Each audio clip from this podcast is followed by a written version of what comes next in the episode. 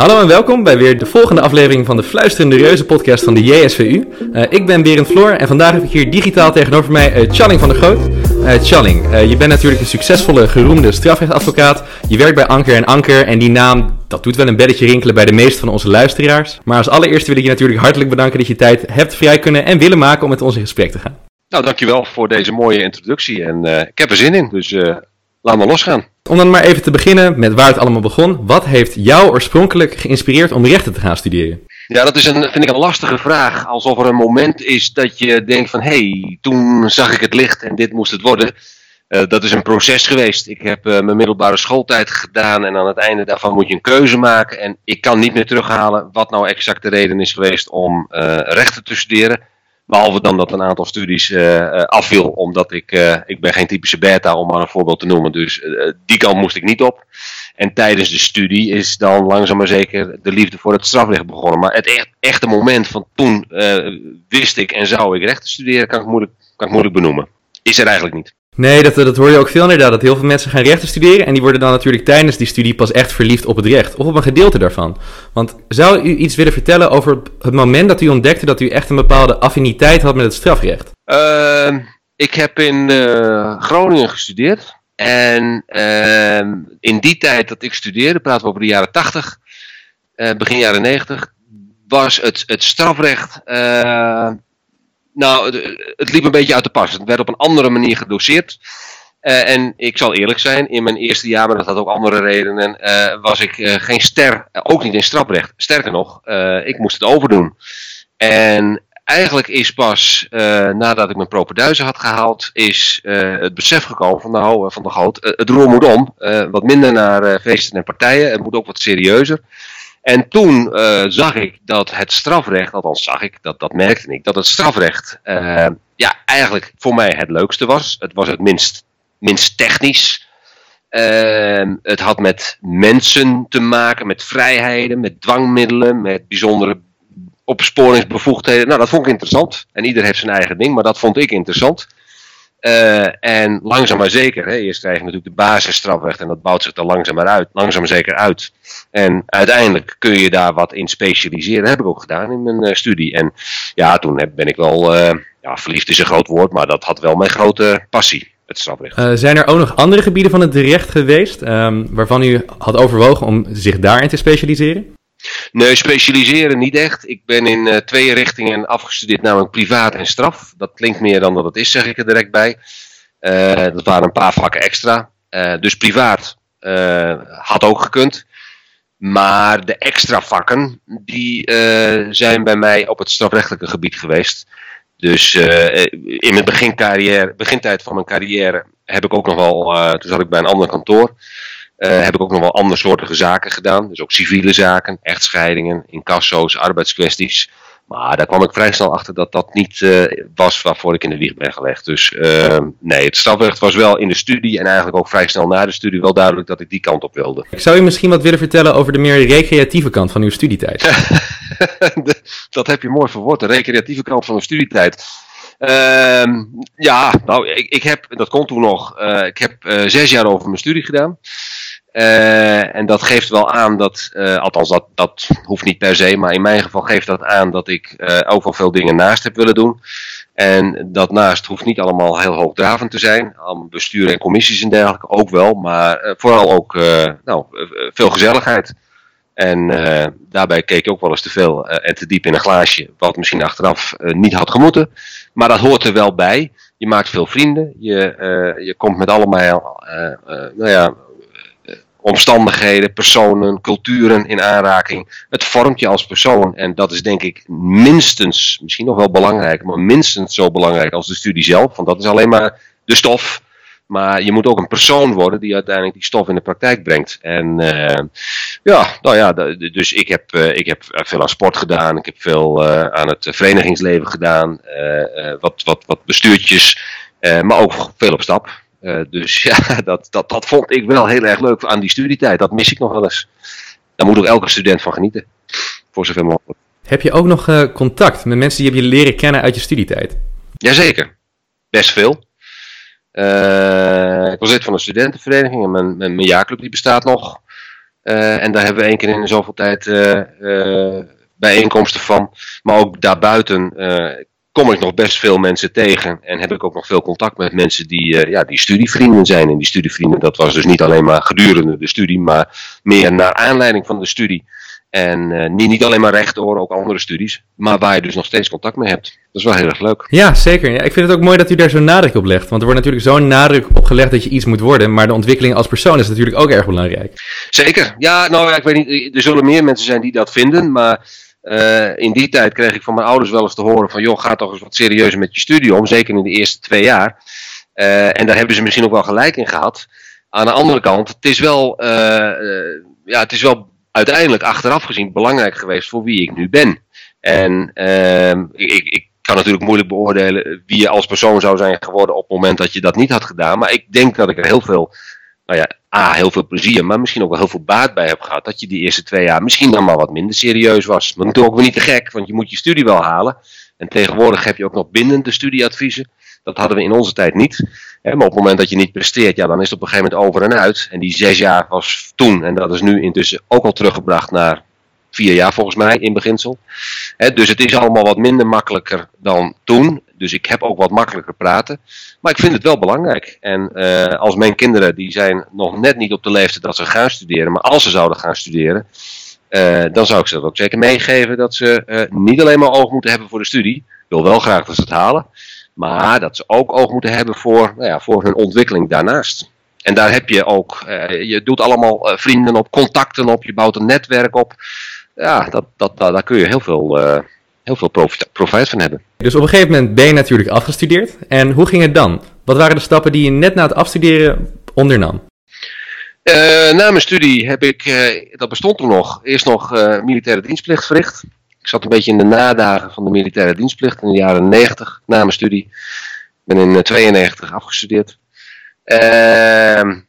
Dus dat heb ik uh, toen gedaan en dat heeft, moet ik even goed denken, uh, nou zo'n 14, 15 maanden geduurd.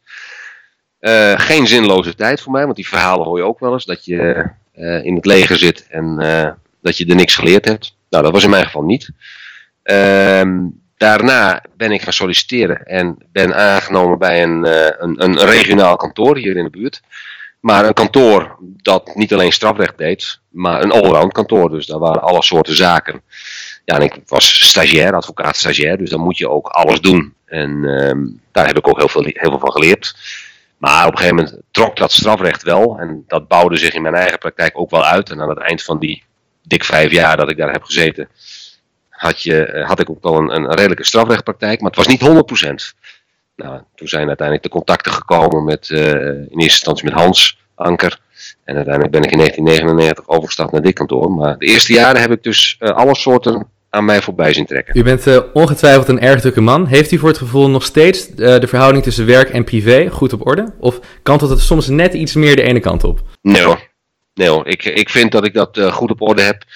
Ik uh, ben over het algemeen ook niet een, uh, een stresskip die uh, snel overwerkt raakt of het werk niet aan kan. Dus ik, ik kan dat wel redelijk goed plannen. Natuurlijk, het kan soms druk zijn. En het nadeel, maar misschien ook wel direct weer het voordeel, is dat het werk heel moeilijk planbaar is. deze week kan ik een rustige week hebben. En dan denk ik, nou, volgende week valt mee. En dan op maandag dan komt er weer van alles en dan staat mijn hele praktijk in brand. Dat maakt het natuurlijk wel heel dynamisch, maar het komt wel eens slecht uit. Uh, maar uh, nee, ik, ik, ik vind zelf dat ik, uh, ik, ik neem mijn tijd, ik neem mijn ontspanning, probeer het weekend ook zoveel mogelijk weekend te houden en vrij te houden. En nee, dat, daar heb ik geen moeite mee. Heb je het idee dat je goed voorbereid was door je studie voordat je het werkzame leven inging? Ja, dat is een hele goede vraag. Ehm, nou ja, er is natuurlijk een basis. Maar om nou te zeggen dat je dan weet, nee. Want de praktijk is toch anders dan de theorie. Uh, daarom is het denk ik ook heel belangrijk dat je nu in ieder geval in deze tijd dat je uh, als die mogelijkheid bestaat in het kader van je studie een stage doet. Al was het maar om even te kijken van vind ik dit leuk? Hoe is het? Een, beetje een kijkje in de keuken. Ofwel bij een advocatenkantoor of bij het openbaar ministerie of bij de rechtbank of bij een heel ander bedrijf. Of om ook te weten wat is niet leuk. Hè? Want soms is een stage ook goed om te weten van nou dit moet het dus niet zijn. Ehm, maar om nou te zeggen, de, de, studie en dan ben je direct een goed advocaat. Nee, je hebt de basis, die is natuurlijk essentieel. Want uh, als je de, de basiskennis niet hebt, dan houdt het natuurlijk op. Maar uiteindelijk moet je dat in de praktijk brengen. Maar hoe die procedures allemaal gaan en wat daar precies voor nodig is en wat voor eisen een rechtbank eh, puur administratief stelt aan het indienen van een verzoekschrift of aan, nou dat soort zaken moet je echt allemaal in de praktijk leren. En dat gaat best snel. Uh, maar je bent eigenlijk nooit uitgeleerd. Maar dan is de, de achteraf bekeken. Ik kan nu terugkijken en zeggen van nou, die studie is eigenlijk maar een, een, een, een heel klein gedeelte geweest van de kennis die ik nu heb. En, en nou, de kennis, dat klinkt wat overdreven, maar de, de praktijkervaring die ik nu heb, is eigenlijk maar voor een heel klein deel gebaseerd op uh, de kennis die ik heb opgebouwd in de studietijd. Uh, u bent dus eigenlijk naar uw studie eigenlijk meteen de advocatuur ingegaan. Heeft u nooit overwogen om een andere functie binnen de juridische wereld uh, te gaan vervullen? Nee, nee. Nee, ik heb wel na mijn studie alleen maar bij uh, advocaatkantoren gesolliciteerd. Dat was in die tijd best, best lastig. De markt, arbeidsmarkt was niet zo uh, geweldig. Maar dat ging achteraf gezien best wel snel. Uh, maar buiten de advocatuur heb ik het niet geprobeerd. En dat wilde ik ook niet, want toen ik gaandeweg de studie ook de, nou ja, de, de, de, de, de, de liefde een beetje voor het recht en zeker het strafrecht had gevonden, uh, was de volgende vraag: wat wil je daar dan mee? Nou ja, je kunt natuurlijk talloze kanten op, maar in mijn geval was het wel van, nou, dan wil ik de advocatuur in. En dat, dat, dat heeft er vanaf het begin ook wel een klein beetje ingezeten. En dan zou je ook kunnen zeggen, dus heb je om die reden rechten gaan studeren. Dat is niet helemaal waar, maar dat, dat, dat nou ja, het, een beetje het sociale. Uh, het opkomen voor de zwakkeren, uh, het helpen van mensen, het verdedigen van mensen. Uh, ja, dat, dat, dat was wel wat, wat, wat mij leek te trekken. En daar heb ik ook geen spijt van, want dat trekt mij ook. Ja, u heeft ook echt daadwerkelijk morele overtuigingen bij het uitvoeren van uw beroep. Ja, als strafrechtadvocaat zeker. Ja, ja, ja, ja. Dat, dat, dat, dat, dat, dat ik vind dat wij. Uh, het is natuurlijk een lastig uitlegbaar beroep. Uh, op elke partij moet je weer uitleggen. Nou, dat zijn de klassieke vragen: van ja, je weet dat hij het gedaan heeft en waarom sta je dan toch iemand bij? Nou ja, dan kan ik weer een heel uh, hoogdravend verhaal halen. Maar wij zijn wezenlijk in het strafproces. Want als er geen advocatuur is, als er geen verdediging is, dan krijg je een onevenwichtig strafproces. En een onevenwichtig strafproces is heel slecht voor de rechtsstaat. Want in een rechtsstaat geldt niet het recht van de sterkste. Maar moet iedere burger uh, nou ja, zich kunnen verdedigen tegen bijvoorbeeld de overheid, tegen in dit geval het Openbaar Ministerie. Uh, en zonder verdediging gaat dat niet lukken. Nou, we hebben natuurlijk recente voorbeelden gezien, heeft niks met strafrecht te maken, maar in die toeslagenwet, waarin de verdediging op een zijspoor is gezet, waarbij niet goed is geluisterd, waarbij de mogelijkheden om het recht te halen uh, door middel van een advocaat via de gefinancierde rechtshulp zijn uitgehold. En je ziet wat het resultaat is. Uh, dus het, het is een, een, een wezenlijk onderdeel uh, in, in de rechtsstaat in het algemeen.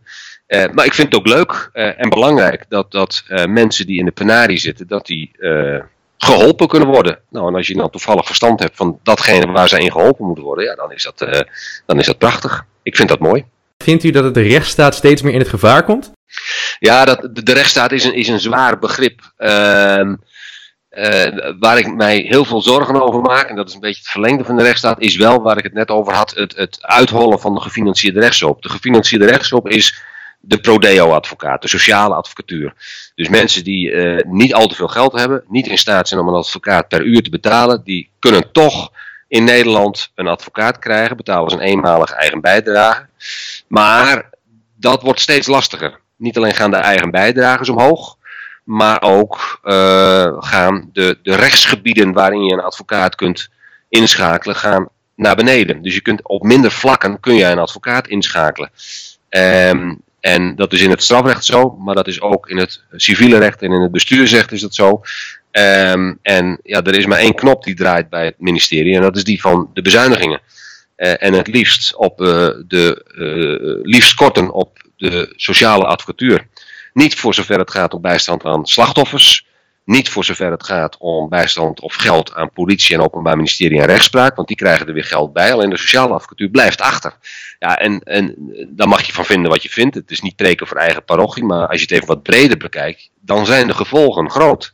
We noemden net de toeslagenwet. Maar er zijn weer meer voorbeelden. Het is essentieel dat mensen eh, gebruik kunnen maken van een, van een advocaat. Nou, als je dat als een zorg voor de rechtsstaat wilt bezien, want dat was je vraag, ja, dan vind ik dat wel een zorgelijke ontwikkeling. Los van allerlei andere ontwikkelingen. Maar kijk, de rechtsstaat zelf staat nog wel overeind.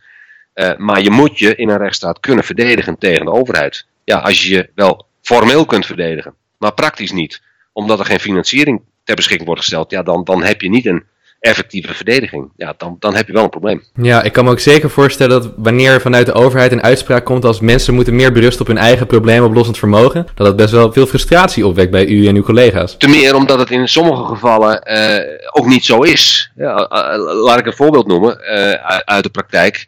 Dat mensen die ooit zijn veroordeeld voor een bepaald feit. En dan kun je naast de veroordeling voor dat feit kun je ook een ontnemingsmaatregel aan je broek krijgen. Een ontnemingsmaatregel is een maatregel, de plukse regeling noemen ze het ook wel, waarin wederrechtelijk verkregen voordeel wordt afgeroomd. dus iemand heeft, nou, noem het wat, in drugs gedeeld of een ander strafbaar feit gepleegd, heeft daar geld mee verdiend en dat verdiende geld moet hij dan weer terugbetalen. Nou, dat, betaalt, of dat bepaalt de rechter, die legt die verplichting op. Uh, alleen door omstandigheden kan het wel eens zo zijn dat iemand uh, nou ja, niet meer in staat is om een voordeel wat ooit is vastgesteld terug te betalen. Bijvoorbeeld omdat iemand arbeidsongeschikt is geraakt of ernstig ziek is geraakt. Of uh, al zo oud is, terwijl de maatregel al heel lang geleden is opgelegd, zo oud is dat hij ook niet meer in staat zal zijn om nog betaald werk te, te, te, te krijgen. Dan kun je een verzoek indienen bij de rechtbank tot vermindering of kwijtschelding van die schuld aan de staat. Uh, ondernemingszaken zijn vaak lastige zaken. Juridisch, technisch, financieel uh, krijg je geen toevoeging voor. Dat wordt dus inderdaad onder zelfredzaamheid uh, geschaard. Nou, dat is een voorbeeld, en zo zijn er legio, waarvan ik denk, ja, ik begrijp er werkelijk helemaal niets van. Dat is puur bezuinigen. Zorgen dat dat maar buiten het gebied komt van de advocaat, want dan hoeven we daar ook als staat geen geld voor te betalen. En nou ja, vanuit financieel oogpunt kun je zeggen, nou prima, dat bespaart weer wat geld. Het gaat overigens niet om heel veel geld, maar dat bespaart weer wat. Maar vanuit de rechtsstatelijke positie begrijp ik er niets van. Duidelijk. Uh, dan toch weer terugkomend op u en uw carrière. U bent dus al vanaf 1999 aangesloten bij Anker en Anker. En u heeft dus al die tijd als advocaat gewerkt. Um, wat zijn nou bepaalde eikpunten geweest in uw carrière? Um, nou, in mijn carrière uh, uh, heb ik een paar eikpunten. allereerst, en dan beperk ik me even tot het strafrecht. Uh, mijn allereerste strafzaak. Dat is een eikpunt. Dat was in. Uh, ik, ik kan de strafzaak me nog goed voor de geest halen, maar de datum niet meer. Maar dat zal ergens in 1994 zijn geweest. Uh, en ik schat zo in dat je er misschien toen nog niet eens was. Ehm, dat was mijn eerste strafzaak. hartstikke nerveus, want het is voor de eerste keer. maar het is uiteindelijk allemaal goed gegaan. Dus dat is een, um, een eikpunt. De allereerste keer dat je een zaak hebt waar nou ja, een vorm van publiciteit uh, aan te pas komt. Dat is een strafzaak geweest hier in Noord-Nederland, een, een, een, grote zedenzaak, waarbij toen, toen waren er nog niet allerlei cameraploegen, want nu heb je NOS, RTL, SBS, nou noem het maar. Toen had je eigenlijk, als er publiciteit was, eigenlijk maar één cameraploeg, maar die was er wel. Nou, dat, dat, dat legde wel weer wat extra druk op zo'n zaak. Dat vond ik toen in ieder geval, want ja, er kijken toch een heleboel mensen mee die niet in de zittingszaal zijn door zo'n camera. Uh, dus dat vond ik voor mezelf dan ook wel weer een, een, een eikpunt. Uh, en vervolgens uh, een aantal ja, gevoelige zaken, waardoor je. Uh, nou ja, ja, gevoelige zaken, laat ik het zo maar noemen. Hè. Er zijn natuurlijk wel een paar bekende. denk aan. Nou, Robert M. is een, een bekende zaak van een jaar of tien geleden. En daarvoor hebben we ook nog wel een aantal zaken nou die, waar, de nodige gevoeligheden lagen ernstige zedenzaken, uh, levensdelicten. Uh, nou ja, waar, waarbij de druk hoog lag. Hè, Robert M. noemde ik al even, waarbij je ook een, een, een, een stroom kreeg uit de samenleving. En wij zeggen hier op kantoor wel eens van het is de tegenwind die de vlieger doet stijgen. Je moet een beetje tegenwind hebben om uiteindelijk wat strijdbaarder te worden. Misschien nog meer strijdbaarder te worden. Want het is uiteindelijk een strafrechtadvocaat die tegen de stroom inroeit. Eigenlijk per definitie. En uh, dat moet je wel kunnen en dat moet je wel willen. Nou, Robert M. was daar een mooi voorbeeld van. Dus dat vind ik voor mezelf, voor mijn persoonlijke ontwikkeling, ook een eikpunt. Uh, en daarnaast uh, nog een paar zaken waarvan ik zeg van nou, dat, dat waren misschien niet de meest heftige zaken, maar wel zaken waarbij je, nou ja, waar, waarbij je het verschil hebt gemaakt. En dat kan soms zijn uh, het verschil maken tussen een veroordeling of een vrijspraak. Maar dat kan ook zijn het verschil maken van een gevangenisstraf naar een werkstraf. Terwijl die persoon heel erg veel nadeel zou hebben ondervonden als die gevangenisstraf ondergaat. Of, en dat is voor mij dan als jurist wel mooi, die hebben geleid tot een wetswijziging. We hebben verschillende principiële zaken op kantoor gehad. die uiteindelijk goed zijn afgelopen voor de cliënt. Waardoor de wetgever zei van ja, maar dat moet zo niet. Dus passen we de wet aan. Ja, dat is de mooiste uh, overwinning misschien wel voor een advocaat als je niet kijkt naar het belang van de cliënt. Want dat stond hier buiten, want die, was, die zaak was goed afgelopen. Maar dan heb dat, dat, ja, dat, op een manier streelt dat je wel. Dus dat zijn wel uh, eikpunten in de carrière waarvan ik zeg, nou, die zal ik, die zal ik onthouden. Ja, en u bent natuurlijk ook uh, genomineerd voor verschillende lovende prijzen. waarvan eentje voor de taalvaardigheid volgens mij was weggekaapt door uw geliefde collega. Uh, maar u heeft ook de Parel van de Bali, als het goed is, gewonnen in 2018. Uh, wat, wat doen dat soort dingen, die nominaties en die winst, wat doet dat met u? Ja, wat doet het met je? Uh, ik ben geboren en getogen in Friesland en die mensen staan bekend als nuchter. Weet niet of het altijd waar is, maar in dit geval moet je wel een beetje nuchter blijven. Dus je kunt jezelf verschrikkelijk op de borst slaan en zeggen van ja, ik ben genomineerd hiervoor en ik heb een prijs daarvoor gekregen. Ik zou liegen als ik zou zeggen van ik vind het heel vervelend dat ik die prijs heb gekregen. Dat is ook niet zo, maar het is ook niet meer dan dat. Eh, wat ik wel leuk vond aan die parel van de Bali, want dat gaat niet over uh, je bent de beste advocaat of iets dergelijks, maar dat je uh, bent gekozen als de advocaat. Nou ja, we hadden toen zo'n, ik denk nog steeds iets van 18.000 advocaten in Nederland die het meest de kernwaarden van de advocatuur vertegenwoordigt, representeert. Waaronder uh, integriteit, deskundigheid, onafhankelijkheid. Uh, dus uh, ja, en dat is een prijs. Een, een, een, een ja, een, een, hoe moet je dat zeggen? Het, het, het, is een ja, prijs, ik weet niet of het een prijs is, maar het is in ieder geval een, een, een. Je bent uitverkoren door je collega's. En dat vond ik wel leuk. Het zijn dus niet klanten die kiezen. Uh, maar collega-advocaten vonden kennelijk, in ieder geval op dat moment, dat ik daarvoor uh, voor in aanmerking kwam. Dus dat, dat vond ik wel heel erg leuk. Maar meer dan dat is het ook niet. Ik bedoel, ik, ik kan er geen praktijk op bouwen. Uh, zou u misschien wat willen vertellen over het verdedigen van de blokkeerviezen? Ik kan me voorstellen dat dat best een bijzondere zaak was geweest ook. u had ook eerder vermeld dat er wat artikelen uit het wetboek werden gehaald, die eigenlijk niet echt werden gebruikt daarvoor. en het had natuurlijk ook veel media-aandacht. Ja, nou, als je hebt over de uh, blokkeervriezen zoals ze worden genoemd, dan was het meest bijzondere voor ons hier op kantoor dat we in één keer, in één zaak, uh, 33 cliënten kregen. Uh, dus even los van alle juridische uh, problemen die er in die zaak speelden, communiceer maar eens, wat je normaal gesproken één op één doet met een cliënt, met 33. Dus dat is wel een, een klus geweest, het is gelukt. En die 33 zaten ook op één lijn, dat scheelt natuurlijk ook. Uh, maar we hebben verschillende plenaire bijeenkomsten belegd. Uh, gewoon in een, in een zaaltje van een, van een café. En dan uh, de mensen toespreken. En dan wel gelegenheid voor, voor het stellen van vragen. Maar goed, verdedigen van cliënten is één. Namelijk kijken van hoe staat het er juridisch voor. Maar je hebt natuurlijk ook nog een persoonlijk verhaal. En dat moet je natuurlijk van al die 33 wel, uh, wel nalopen. Dus als je het hebt over de blokkeervriezen, we hebben wel eens een paar andere zaken waarbij er meer mensen in één zaak worden bijgestaan. Maar dan was de blokkeervriezen wel een, uh, een uh, nou, als je nog een eikpunt hebt, waar je net naar vroeg, is misschien ook wel een eikpunt. Dat je zegt, nou, dat is de eerste keer dat je zoveel mensen in één keer bijstaat. Uh, ja, over tegengas gesproken. We kregen in die zaak natuurlijk uh, tegengas van de rechtbank. Als het ging om plannen van de zittingen. Moeilijk, moeilijk. Maar eigenlijk uit de samenleving juist heel weinig. Uh, want wij krijgen hier regelmatig op kantoor, meestal via de mail, vervelende reacties. Want dan hebben we in de ogen van mensen die die reacties sturen iets verkeerds gedaan. In ieder geval de verkeerde persoon bijgestaan, want die wordt verdacht van een ernstig feit. Maar bij de blokkeervies kregen we gek genoeg heel veel uh, sympathie, betuigingen. En uh, daar moesten we even naar wennen. Maar dat is ook wel eens leuk. En uh, ja, het is een, een, ja, het is een zaak, 33 cliënten, met bijzondere artikelen. En een openbaar ministerie dat alles uit de kast heeft gehaald voor uh, zo'n zaak. Lijvig dossier. Uh, ja, wat kan ik er verder over zeggen? De zaak is voor de cliënten redelijk goed afgelopen. met een sisser zou ik willen zeggen. het lag, was een gevoelige zaak met de discussie over Zwarte Piet. Waar deze zaak dus niet over ging, maar die werd daar wel een beetje omheen gehangen. Um, waardoor het mij extra heeft verbaasd dat uh, de rechtbank nota bene in november 2000, moet ik het even goed zeggen? 18 denk ik, maar in ieder geval vlak voor de intocht van Sinterklaas een uitspraak ging doen. Nou ja, als je het over uh, tactisch vernuft hebt, dan zit dat niet bij de rechtbank als het gaat om het plannen van een uitspraak. Dat had je natuurlijk gewoon daarna moeten doen. Het ligt al zo gevoelig en dan ga je een uitspraak doen vlak voor de intocht van de nieuwe Sinterklaas. Maar goed, het is uh, goed afgelopen, dus ik vond het een leuke zaak. En uh, u heeft natuurlijk vaker media-aandacht gehad. Ik kan me voorstellen dat dat in het begin best wennen was, maar doet dat nu nog iets met u? Legt dat nu nog een soort extra druk op? Nou, nee, dat niet. Je krijgt natuurlijk wel wat ervaring. En ik moet er wel bij zeggen, media-aandacht is, is vaak wat we niet opzoeken. Uh, je zult ons ook niet zo snel uh, aan tafel zien bij, uh, bij Jinek of Op1 of andere praatprogramma's.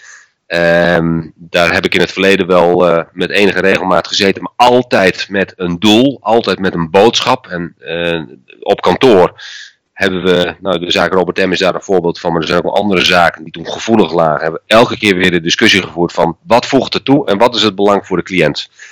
Um, en dat is er heel vaak niet. Um, dus dat is ook de reden dat we heel vaak ook nee zeggen.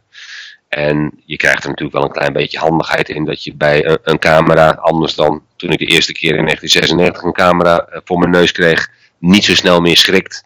En ook wel weet wat je ongeveer moet zeggen. En één ding heb ik wel geleerd. Uh, even rustig tot tien tellen voordat je antwoord geeft. Want uh, ad hoc reageren, dat zijn vaak niet de beste reacties. Nee, u heeft uh, veel aan uw vieze nuchterheid. Ik weet niet of het nuchter is, maar dit, dit is een, een, een, een puntje wat ik heb geleerd van mijn collega Wim Anker. En die heeft daar ook heel erg veel ervaring in. Uh, dan toch nog over wat meer juridische vragen. Um, u bent inderdaad, u heeft ook een paar keer uitspraken gedaan over rechtspraak in de coronatijd. Um, u heeft uh, boetes principieel aangevochten. Um, wat zijn nou bepaalde punten, die, of bepaalde gevaren inderdaad voor, voor de rechtspraak? Bepaalde rechtsbeginselen die in het geding staan? En wat is er nou het belang dat we hier kritisch mee omgaan? Nou, als we het hebben over de, de, de, de wijze waarop recht wordt gesproken, uh, zien we natuurlijk niet alleen bij de rechtspraak, maar in de hele samenleving, dat heel veel gedigitaliseerd wordt. En, uh, Skype wordt ingeschakeld om verdachten te horen. En rechtspraak en digitalisering, dat is niet een heel gelukkige combi. Dus er gaat veel mis. En er zal ongetwijfeld wel iets van overblijven, maar ik denk in het strafrecht niet heel erg veel. En dat hoop ik ook, omdat ik vind dat rechters moeten rechtspreken nadat ze de verdachte hebben gezien, hebben geroken, hebben gesproken, eh, zijn lichaamstaal hebben waargenomen. En als je voor een camera zit, dan mis je de helft, misschien wel meer dan de helft. Um, dan heb ik het nog niet eens over verbindingen die verbreken en tijdsloten die erop zitten. Uh, dat dan in één keer een, een, een andere verdachte in beeld is. Dus uh, het aanwezigheidsrecht, wat, wat in Nederland is vastgelegd, wat Europees rechtelijk is vastgelegd, dat elke verdachte het recht heeft om aanwezig te zijn, wordt nu zo uitgelegd van nou dat kan ook via Skype. En dat is misschien ook wel zo, maar dat vind ik niet een, uh, een, een winstpunt van. Het is mooi dat het nu kan, maar dat vind ik niet een winstpunt dat je moet overhouden voor later. Dus ik hoop dat we dan weer terug kunnen naar zoals het vroeger ging. Uh, dus dat voor wat betreft de, de, de afhandeling van zaken. En inhoudelijk. Uh, ja, jouw vraag was van wat, wat, wat, wat zijn de gevaren? Zeg maar, waar moet kritisch naar worden gekeken? Wat kan makkelijk de mist ingaan als we daar niet kritisch mee omgaan? Ja, dit is dat ene, dat digitaliseren. En uh, kijk, waar, waar, waar ik zelf moeite mee heb, is dat, uh, ja, hoe moet ik het zeggen? Uh, rechters zijn mensen van vlees en bloed. Dat snap ik. En hebben ook hun emotie, hebben ook hun gevoelens, hebben ook hun gedachten. Maar moeten dat toch op een of andere manier toch een beetje uitschakelen. En heel sec en heel klinisch naar een zaak kijken. Om te kijken hoe zit het juridisch en vervolgens uh, wat voor straf hangt erop op het moment dat het bewezen kan worden. En wat ik vind, maar ik heb de, de, de rechtspraak niet aan mijn zij, zeg ik er direct bij. Maar wat ik vind, is dat uh, corona uh, te gemakkelijk als um, argument wordt gebruikt om straffen op te drijven. Uh, noem even een voorbeeld, die, die zijn namelijk in de praktijk bekend afgelopen jaar. Op het moment dat ik uh, jou uitscheld en er zit een woordje corona bij, dan zijn er rechters.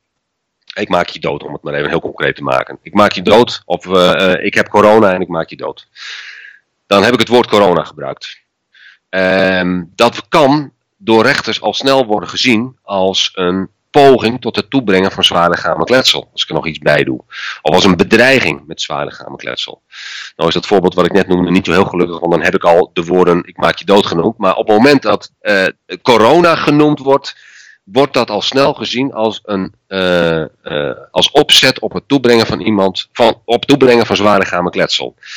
Terwijl, als je heel sec naar een zaak kijkt, ik bagatelliseer niks, want ik vind het allemaal heel ernstig wat er in onze samenleving gebeurt. Ik vind het heel belangrijk dat uh, de ouderen en kwetsbaren beschermd blijven en dat we maatregelen invoeren. Dus daar is bij mij in ieder geval geen enkele discussie over.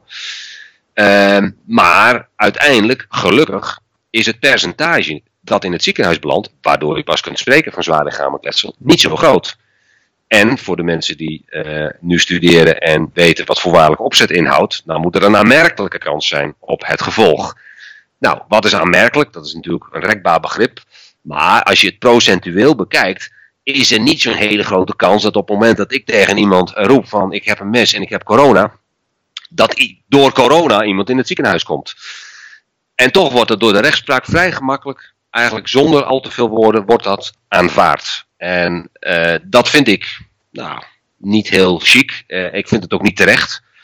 Uh, maar dat is wel de tijd waarin we leven. En dat zijn denk ik dan de emoties die bij rechters leven. Van het is heel ernstig. En dat vind ik ook hoor. Ik vind ook dat je corona niet mag misbruiken. En dat woorden die geuit worden waarbij corona wordt gebruikt.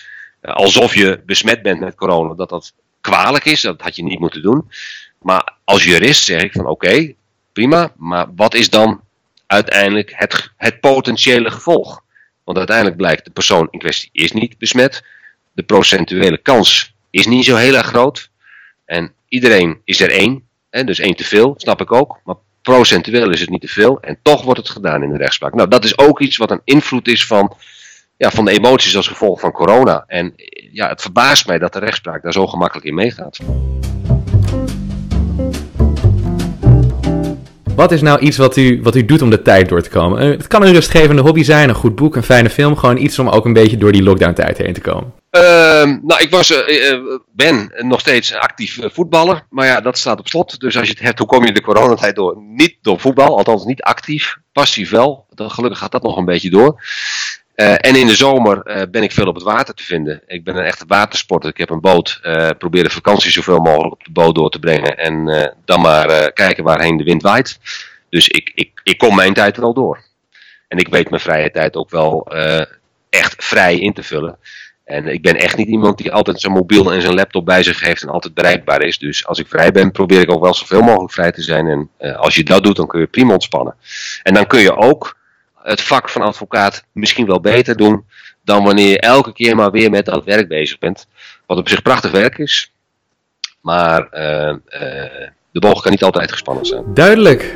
Hartelijk bedankt voor uw tijd. Dit was deze aflevering van de JSVU Fluisterende Reuzen podcast. En graag tot de volgende keer volgende keer bij de Fluisterende Reuzen podcast. Ik hoor uh, vaker, uh, als ik nu spreek met bestuursleden van de JSVU, uh, vertel eens hoe het is begonnen met de JSVU. En dan wordt er steeds gedacht aan die oprichting van de JSVU op 2 februari 1968. Als je ook benieuwd bent wie de volgende spreker is, hou dan vooral de socials van de JSVU in de gaten.